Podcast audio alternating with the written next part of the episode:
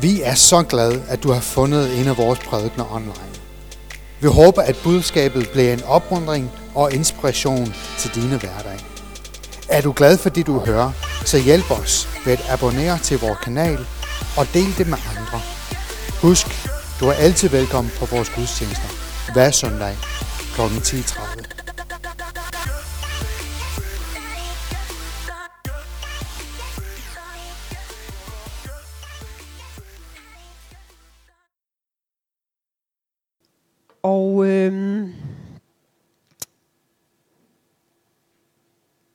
jeg har taget min dragt af.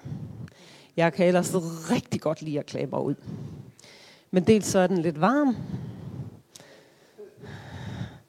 Og øh, så er det jo heller ikke øh, det, der skal tage fokus fra budskabet, stod jeg lige og snakkede med, øh, med Patrick om, da vi fandt ud af, at han var klædt ud som ingeniør. Jeg har ellers kendt nogle, eller mødt nogle fantastiske nonner i løbet af mit liv. Jeg tror nogle gange, de har et dårligt rygte, måske også med rette i nogle tilfælde. Lisa, du kan for sikkert fortælle nogle historier. Lisa, hun har gået på katolsk nonneskole i øh, Aalborg. Øh, jeg er født hernede på St. Josef, og det var også nonner dengang i 70'erne, da jeg blev født, der tog imod børnene. Øh, så, så mange i Esbjerg, som er min alder og derover, vi er, er blevet taget imod af, af de her nonner. Og efter sine skulle de være ret skrabe. Min bror han var i hvert fald meget sur over, at han ikke måtte komme ind og se mig, dengang han var barn. Da jeg lige var blevet født. Øh, nå, men det skal handle om fastelavn, fordi det jo er fastelavn. Og øh, det kunne have handlet om så mange andre ting. Jeg havde egentlig forberedt, at det skulle handle om faste lavn, eller havde tænkt over det for lang tid siden. Og så er det lidt mærkeligt at skulle sige noget om noget, der ikke handler om den alvorlige situation, vi er i i verden lige nu. Men øh, det tror jeg ikke, at min, øh, min hjerne den kan kapere lige nu. Øh, lige nu der er jeg sådan i fornægtelsesfasen. Jeg har stort set ikke set tv-avisen i den her uge, fordi det synes jeg simpelthen er for meget på en eller anden måde. Men i dag, der har nogle af os klædt os ud, fordi det er faste lavn. Faste lavn, det er blevet børnenes fest. Øh, men sådan har det faktisk ikke altid været. Øh, fastelavnen er egentlig ikke en kristen fest, og alligevel så er den skrevet ind som noget, man markerer, også i den danske folkekirkes kirkekalender. Øh, og som det er med alle mulige andre fester og højtider, som vi markerer i Danmark, så er vi mestre i at blande en masse hedenske skikke sammen med nogle begivenheder i Bibelen. Sådan så vi stadigvæk kan blive ved med at feste, men vi kan koble et eller andet på. Ikke? Altså, vi holdt øh, lysvævs fest, når det blev jul, og så koblede vi det sammen til, at det blev jul, og det var her, Jesus blev født. Og sådan er det faktisk også med faste lavn. En gang så fejrede man forårets og lysets komme ved den her tid, blandt andet i Danmark og også andre steder. Øh, og i dag, der øh, markerer man faktisk den her faste lavns søndag som optakten til påske. Vi er omkring 40 dage før påske, ej lidt mere, men sådan nogenlunde 40 dage sådan indtil, hvor vi begynder at fejre påskeugen.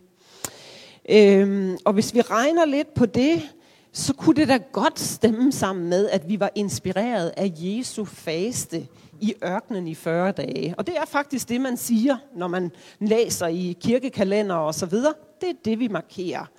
Øh, og der er jo også noget med det der faste begreb og faste lavn. Så i dag, der er der syv uger til påske. Øhm, og på, på nogle måder så er den her tid sådan lidt at sammenligne med adventstiden, hvor vi forbereder os til, at Jesus skal komme. Og lige nu, så træder vi ind i de her 40 dage op mod påskeugen, for at forberede os til alt det, der skal ske i påsken, til de begivenheder, til det budskab, der er. Og øh, nu er det jo ikke noget, vi sådan praktiserer at vi faster i, 14, i, i 40 dage øh, op til påske fra nu af, og så kulminerer det påske søndag. Øh, det er meget muligt, at der er nogen, der gør det i et mindre omfang, øh, men som sådan er det jo ikke noget, hverken vi gør som, som kristne, eller slet ikke folk uden for kirken i hvert fald. Men som det var engang, så var det noget, man gjorde. Der var, man gik, indgik i den her, eller gik ind i den her faste tid, øh, som var den fromme del, og for at kunne klare det, så festede man, man åd og man drak den her søndag, og man lavede så mange udskejelser, at, man, at det var virkelig fordelagtigt at skulle være klædt ud. Ikke? Så kunne man foretage sig alt muligt lysskyt i det skjulte. Jeg har også læst lidt om... Øh, i Italien, der fejrer de også altid karneval her omkring den her tid. Øh, og måske har I øh, set de her italienske masker rigtig flot. Man kan købe håndlavet i Venedig, blandt andet med fjer og papmaché og smukke farver osv. Og, og det var netop for, at man kunne gemme sig, øh, og så kunne man bare ja, gøre alt muligt, som man overhovedet ikke ellers ville øh, sættes i forbindelse med. Så faste lavnen har altså noget med faste at gøre, og så har vi noget med udklædningen at gøre. Jeg vil sige noget om begge dele, men først så vil jeg læse en lille tekst fra Matteus evangeliet. Ikke en lille tekst, det er faktisk en ret lang tekst, men jeg tror, jeg springer over noget af den. Det er fra Matteus 6, vers 1-24, og bare rolig, jeg springer noget af det over. Og øh, vi starter med at skulle høre noget om almisse. Pas på, at I ikke viser jeres retfærdighed for øjnene af mennesker, for at blive set af dem. For så får I ingen løn hos jeres far, som er i himlene. Når du giver almisse, så lad ikke, øh, så lad ikke jeg tror, der mangler et eller andet ord, blæse i basun for dig, som hyklerne gør det i synagoger og på gader for at prise sig mennesker. Sandelig siger jeg jer, de har fået deres løn. Når du giver almisse, må din venstre hånd ikke vide, hvad din højre gør, for at din almisse kan gives i det skjulte, og din far, som ser det i det skjulte, kan lønne dig. Og når I beder, må I ikke være som hyklerne, der ynder at bede i synagoger og på gadehjørner for at vise sig for mennesker. Sandelig siger jeg, de har fået deres løn, men når du vil bede, gå ind i dit kammer, luk din dør, bed til din far, som er i det skjulte, og din far, som ser i det skjulte, skal lønne dig. Og så øh, lærer Jesus faktisk at også bede fader hvor. Den del springer jeg over. Og så øh, lidt senere hen, så står der noget i kapitel 6 om faste, og der står sådan her. Når I faster, må I ikke gå med dyster mine som hyklerne, for de gør deres ansigt ugenkendeligt, for at det skal være kendeligt for mennesker, at de faster. Sandelig siger jeg jer, de har fået deres løn. Men når du faster, så salg dit hoved og vask dit ansigt, så du ikke faster synligt for mennesker, men for din far, som er i det skjulte. Og din far, som ser i det skjulte, skal lønne dig. Saml jer ikke skatte på jorden, hvor møl, møl og rust fortærer, og hvor tyve bryder ind og stjæler. Men saml jer skatte i himlen, hvor hverken møl eller rust fortærer, og hvor tyve ikke bryder ind og stjæler. For hvor din skat er, der vil også dit hjerte være. Ja, og pyt. Jeg tror, jeg springer resten over. Men lad os bede for, at øh, det, som er blevet læst her, det, som jeg skal sige nu her, at det vil være noget, der taler til vores hjerter. Far, vi takker dig, at du er med os den her formiddag. At du er med i alvor og i fest. Far, jeg takker dig for, at øh, du kan rumme alt. Du kan rumme alle vores følelser også, som måske går igennem os i den her tid. Far, jeg beder dig om, at du vil tale til os. At der vil være ord for dig at hente i det, vi skal dele den her formiddag. I Jesu navn. Amen. Så tilbage til fasten. Fast er jo ikke noget, som vi gør ret ofte mere i den moderne kirke. Vi har fastet sammen de sidste par år her i kirken. Jeg har holdt, holdt sommerferie på de tidspunkter, så jeg, kan, jeg har ikke gjort det, vil jeg gerne indrømme. Og vi har også planer om det igen i år. den faste, som kristne til tider gør i dag, den har nok ændret karakter. Øh, både i, i, eller i forhold til, hvordan man faster, og måske også sådan lidt om, hvorfor, eller i hvert fald ideen måske om, hvorfor man faster. Nu siger jeg, faste er måske ikke noget, vi gør ret meget i den moderne kirke, men jeg ved, at der er rigtig mange mennesker, der faster hver dag, fordi man gerne vil tabe sig, og man kan læse om alle mulige kurer, så når man trykker faste ind på internettet, så boomer der med faste. Og faste var oprindeligt nok også tænkt som fraværet af mad. Det var i hvert fald tit det, de gjorde. Øh, også før i tiden, og også ofte, når vi tænker øh, faste i dag. Men vi kunne måske lige så godt øh, faste fra noget andet. Faste fra sociale medier. Faste fra, hvad vi bruger vores tid på. Faste fra, ja, hvad ved jeg. Du ved bedst, hvad du måske kunne trænge til at faste øh, for fra i dit liv. Men hvorfor er det, vi faster? Jamen, der er masser af eksempler i Bibelen på faste. Og overordnet så handler det om, at mennesker henvender sig til Gud for at vise overgivelse, øh, nogle gange for at formidle Gud, fordi man gerne vil have, at der skal ændres noget. Gud skal ændre det, som han er ved at gøre, øh, så man henvender sig til Gud på den måde. Så på den måde kan man sige, at fasten den er faktisk en form for kommunikation med Gud. Ligesom når vi beder, det er bare noget lidt andet. Vi gør et eller andet mere aktivt i den her faste. Og øh, som jeg allerede har sagt, så faster Jesus jo selv i de her 40 dage øh, på et tidspunkt, som vi kan læse om i Bibelen. Og han, øh, han forbereder sig øh, til sit virke på jorden, kan man læse om. Så Jesus han faster også for at opnå noget, for at forberede sig på noget. Øhm, og øh, hvilket egentlig er lidt interessant, ikke? fordi det viser, at han, han, han lever efter nogle af de typiske ting, man ville gøre på den tid. Men faktisk i løbet af den samme periode her, hvor Jesus han går på jorden, så bliver han kritiseret for, sammen med disciplene, for at de ikke faster efter de jødiske regler. Øhm, og Jesus øh, siger til farisæerne, det er jo som altid dem, der påpeger, i gør ikke det der, som I skal gøre. Øh, så siger Jesus til farisæerne, jamen lige nu er det ikke tid til at faste, det er tid til at feste i stedet for. Fordi at brudsvendene kan ikke feste, når brudgommen er her. Noget i den stil, siger han. Så det betyder jo ikke, at Jesus han ikke synes, at der skal fastes. Men der skal fastes også til den rigtige tid.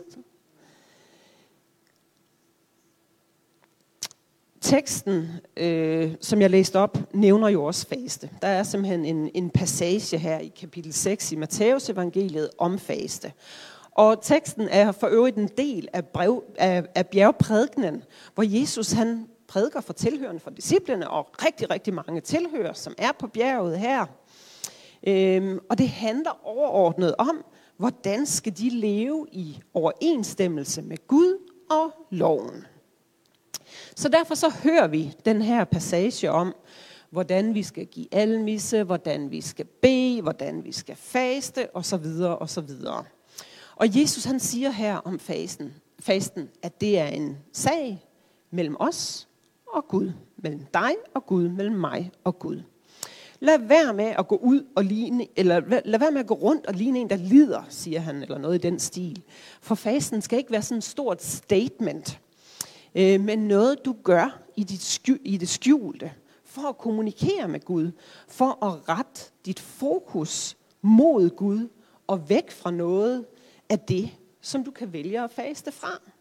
Det kan sagtens også være, som det vi læser mere i det gamle testamente, altså at jeg har et eller andet, jeg vil presse ind i Gud. Jeg vil gerne opnå noget. Jeg vil gå i faste for det. Jeg vil gå i bøn for det. Øh, så sådan kan det også være. I min forberedelse til i dag, så øh, stødte jeg på en præst, som kalder fasten en sjælelig forårsrengøring. Det passer jo meget godt, når vi står her, og vi kigger ud af vores beskidte vinduer, øh, og man kan virkelig se alt spindelvæv. Det kunne vi godt hjemme i vores øh, kælder i går i hvert fald, hvor vi var i gang med, mm, med at, at rydde lidt op og gøre lidt rent. Og der var masser af spindelvæv, og det blev så meget mere tydeligt af, at solen den skinnede i går også. Så i den her sjælelige forårsrengøring, jamen, så renser vi ud. Vi renser ud i noget af vores eget skidt, for at give plads til, at noget nyt kan komme til, noget nyt kan spire frem. Og hvad vil jeg så sige med det? Mener jeg nu, at vi alle sammen skal faste? Jeg mener egentlig, at det er din egen sag. Men jeg vil gerne med det her fokus, som vi naturligt kan sætte på fasten i dag, nu når det er fastelavn, øh, minde os om, at vi faktisk har fasten som en slags redskab til at styrke vores relation med Gud. Det tror jeg egentlig ikke, at jeg selv havde tænkt så meget over. Jeg tror egentlig, jeg altid, når, når, når ordene er faldet på fasten i kirken, så har jeg sådan lidt tænkt, skal vi det? Hvorfor nu det? Hvad er formålet med det? Øh, var det ikke bare sådan noget, er det ikke sådan noget, katolikkerne gør? Eller var det ikke sådan noget, man gjorde på det gamle testamentes tid? Øh, og vi ved også, at det ikke er noget, vi skal gøre for absolut at kunne komme til Gud, men det er et redskab i at bygge relation med Gud.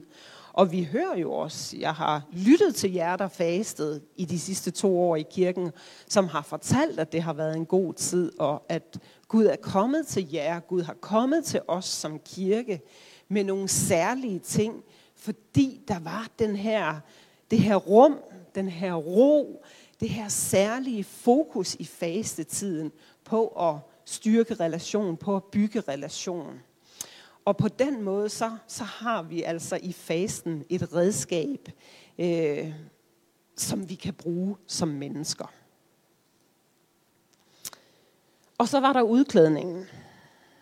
Det stikker lidt i to forskellige retninger, det her, vil jeg bare sige. Wait, wait, undskyld. Og nu drikker jeg lige lidt.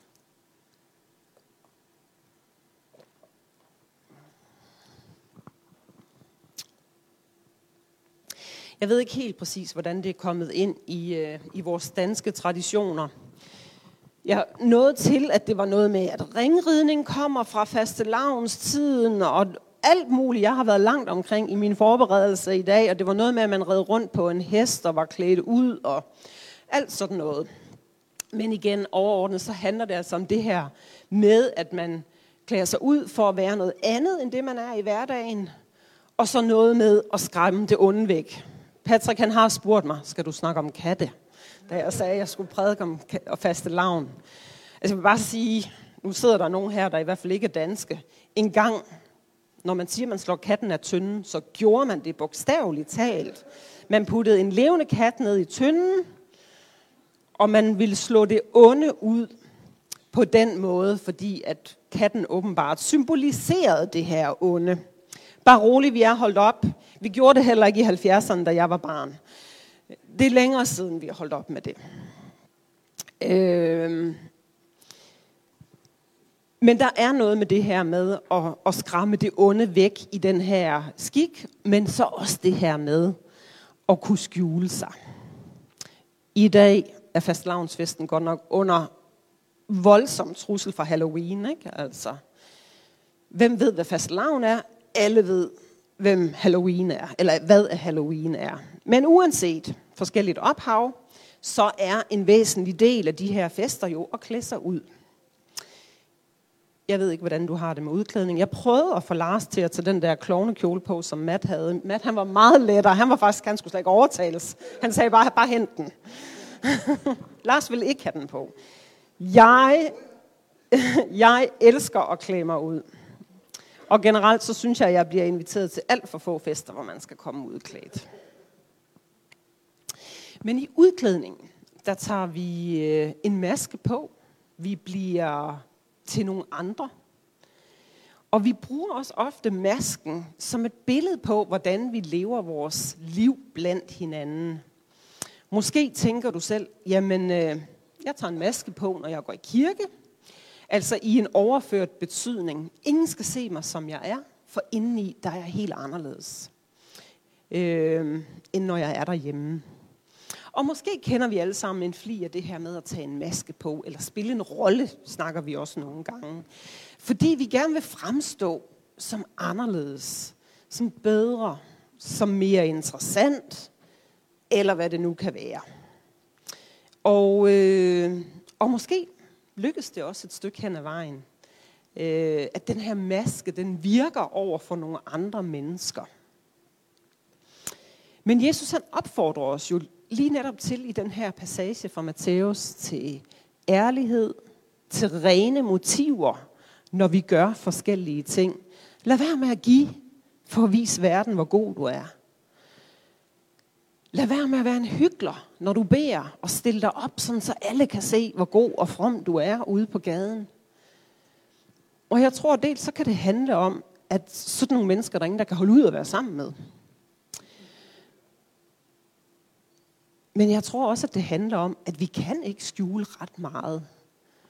Ikke for hinanden, og ikke for mennesker. Vi tror nogle gange, at vi kan skjule alt muligt for hinanden. Men vi er jo mennesker selv. Vi ved godt, hvordan det ser ud. Vi ved godt, hvordan øh, det er derhjemme i familierne, og det kan se pænt ud, når man går ud på gaden.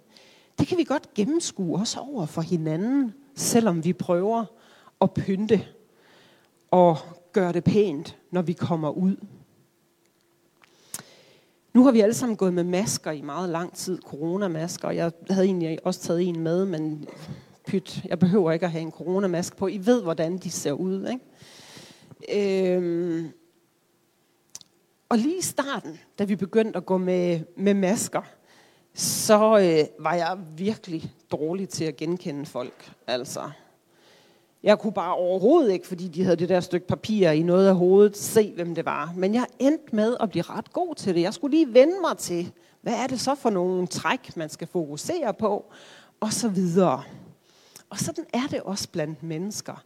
Vi kan måske tænke, det virker meget godt, det der med at være skjulers, tage en maske på, gå ind i en anden rolle, men vi bliver gennemskuet. Og vi bliver mest af alt gennemskuet af Gud. Masker er masker, og de kan ikke skjule alt komplet. Så mest af alt, så tror jeg, at det handler om, at vi skal huske på, at masken, det er anderledes. Det, som ikke er os, øh, det virker ikke på Gud. Gud ved, hvem vi er, hvem du er, bag din maske, bag den lukkede dør, og helt ind i vores inderste. Vi øh, kan også i passagen læse noget i retning af, som jeg læste her, at Gud han ser alt i det skjulte. Og, han, og det, det siger han faktisk noget, Jesus siger noget i den stil, flere gange i den her passage øh, i Matthæus 6. Gud han ser det. Lad være med at gøre det, for Gud han ser det. Han kender vores feje motiver. Han kender vores hykleriske, hykleriske tendenser. Så lad være med at skjule dem for ham. Og jeg kan heller ikke lade være med at tænke på, på en eller anden måde, så er det også at nedgradere Gud, tænker jeg. Hvis vi tror, vi kan gøre alt muligt, og så slippe afsted med det. Fordi det er ham, der har skabt os. Det er ham, der kender. Vi kan, vi kan læse om, hvordan Gud han har talt, talt alle vores hovedhår, hvordan han kendte os i vores mors liv, inden vi var i vores mors liv. Og alle mulige fantastiske detaljer. Så skal vi ikke bare prøve på at lade være med at tro, at vi kan putte den her maske på, og så ikke være kendt af ham. Og så også lære at se værdien i, hvordan det er at være kendt helt ind i det inderste. Jeg er sikker på, at, at vi alle sammen har sådan nogle safe spaces også i vores liv. Altså, en ting er, hvordan jeg øh, nok skal opføre mig ordentligt, når jeg er ude, når jeg kommer hjem. Så er det der, hvor jeg øh, smider strømpebukserne, eller øh, hvad det nu end er, eller også smider strømpebukserne i en overført betydning, og måske ikke altid er så pæn, heller ikke i måden, jeg opfører mig på. Stakkels Lars, men han lever med det, og han er måske også sådan nogle gange. Øh, og så er jeg sikker på, at vi har det i, i, i vores familie der hvor vi bor. Og så er der måske endda et niveau dybere. Der, det som jeg ikke deler med Lars, det som han ikke ser, det som er endnu mere skjult. Men selv det, det er ikke skjult for Gud. Han kender det. Så lad os bruge det. Den viden vi har, at han kender alt, til at leve i den her tætte, tætte, tætte relation med ham. Og måske kan vi netop endda for at vende tilbage til fasten, som var det andet emne, der stak helt, øh, i en helt anden retning. Måske kan vi netop også øh, bruge fasten til at komme ind i den her tætte relation, hvor jeg også forstår, hvordan det er. Gud han ved, hvordan jeg er, men hvordan jeg også forstår, hvordan jeg er, og hvordan Gud han ser mig. Og det er ikke så farligt, fordi vi kan læse i Bibelen, at Gud har skabt os i hans billede. Så han synes slet ikke, det er grimt. Han synes, at det er helt fantastisk, det han har skabt faktisk. Vi er en del af hans skaberværk. Så øh, jeg vil øh, slutte af med at bede, for at vi tør og vise, hvem vi er, for hinanden, for os selv. Og jeg kan også sige over for Gud, men Gud han ved det allerede, så der behøver jeg ikke engang at bede om. Far, jeg takker dig for, at, øh, at du kender os til bunds. At du ved lige præcis, hvad vi hver især tænker lige nu. Du ser, hvad der er svært. Du ser, hvad der optager os. Du ser også de sider, som ikke er så pæne. Men dem kan du godt håndtere. Det betyder ikke, at du støder os bort fra dig. Det betyder, at du faktisk ser noget, du selv har skabt, Gud. Og far, den værdi, du ser i os, den beder jeg dig om, at vi også må få lov til at se i os selv og se i hinanden.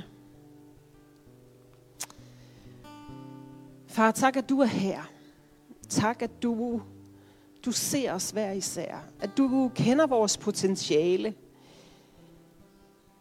Og du ønsker at bruge os med det potentiale, vi har. Og mest af alt tak for, at det potentiale er så meget større, end vi selv tror og vi selv ved. Og far, hjælp os til at få det åbenbaret igennem livet med dig, igennem en tæt relation med dig. Amen. Hey, tusind tak, fordi du har lyttet til en af vores prædikner. Vi håber på, at du er blevet velsignet og opmuntret af det, du har lyttet til. Det vil betyde rigtig meget for os, hvis du kunne dele det med andre, eventuelt skrive en kommentar eller abonnere til vores YouTube-kanal. Men tak for i dag, og Guds fred.